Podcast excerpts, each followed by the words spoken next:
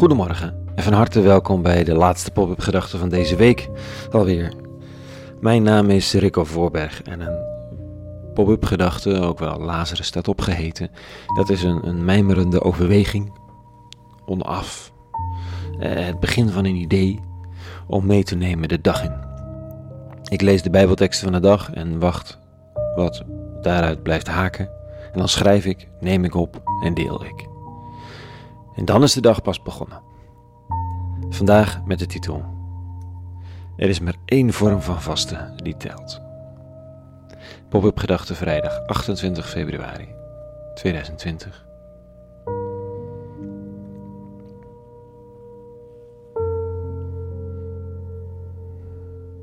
Het zou eigenlijk een goed idee zijn om de koffie te laten staan. Bijvoorbeeld een uur per dag te sporten of een andere vorm van vasten. Er zijn zoveel mogelijkheden. En zo'n vaste, dat biedt een haakje. Ik weet nog wel dat zelfs de opkomende hoofdpijn na 24 uur geen koffie op een bepaalde manier bevredigend werkte. Zie ik moet van die verslaving af, dacht ik. Goed bezig. Het jaar daarna vond ik dat een beetje hoofdpijn onhandig worden en nam ik een aspirintje. Nog weer een jaar later hield ik het bij één koffie per dag.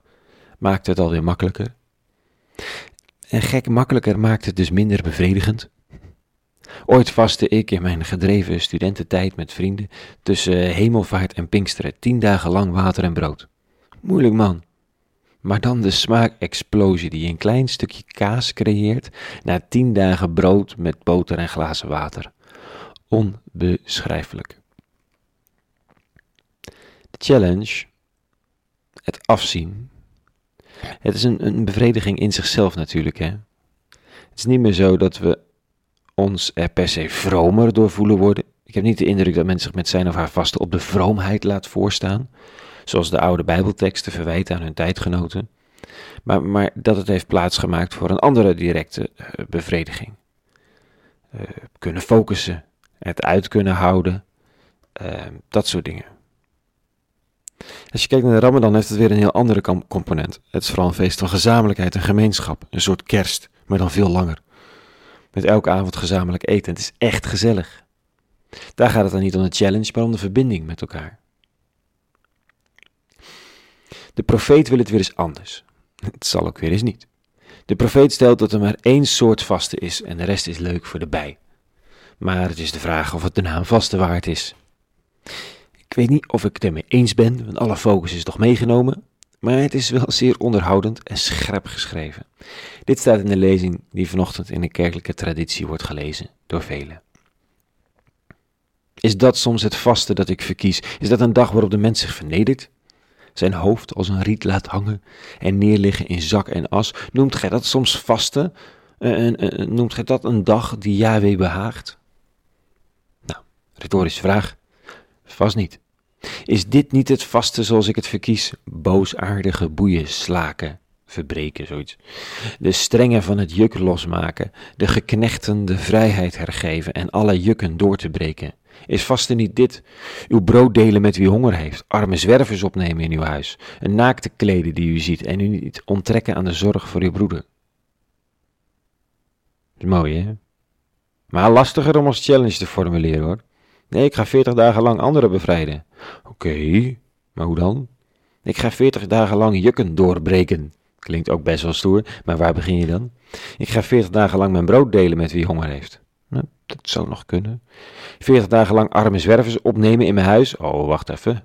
Dat is veel gevraagd. Kan ik niet gewoon vlees laten staan? Ik ga veertig dagen lang naakte mensen kleden. Ja, ja, waar vind ik ze? Ik ga veertig dagen lang zorg dragen voor wie zorg nodig hebben. Oké, dat kan. Maar ik wil graag een ritueel, toch? Iets symbolisch, wat ik echt kan doen. Maar Jezaja is onbarmhartig. Wil je echt iets doen? Nou, ga dan echt iets doen. Misschien houdt hij te weinig rekening met de menselijke maat. Dat we rituelen nodig hebben om ons ergens aan te herinneren. En dat het echt doen van wat nodig is gewoon een stuk moeilijker is. Misschien. Tegelijk ziet Jezaja een volk vasten zonder dat het hen helpt.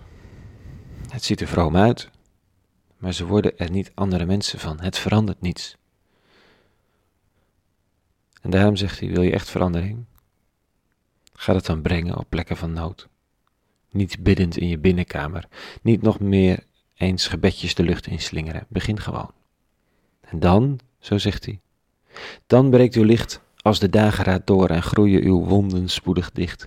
Dan gaat uw geluk voor u uit en sluit de Heers glorie uw stoet. Als gij dan roept, geeft de Heer u antwoord en smeekt gij om hulp. Hij zal zeggen, hier ben ik.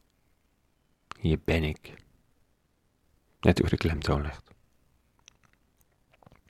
Jezaja stelt dat je van vasten niet automatisch de wind in je rug gaat voelen. Dat niet automatisch er flow in je leven ontstaat. Dat ontstaat pas als je gaat doen wat de kracht achter deze kosmos, God zelf, het liefst gerealiseerd ziet worden. Zorg voor degenen die het nodig hebben. Dat doende stap je een krachtenveld binnen wat groter is dan jezelf. Dan gaat de hemel open, is de belofte. Dan zegt de eeuwige, hé, hey, jij ook hier? Ik ben hier ook. Hier ben ik. Dat is de belofte van de dag. En om mee te nemen in het weekend. Voor nu een hele goede vrijdag gewenst.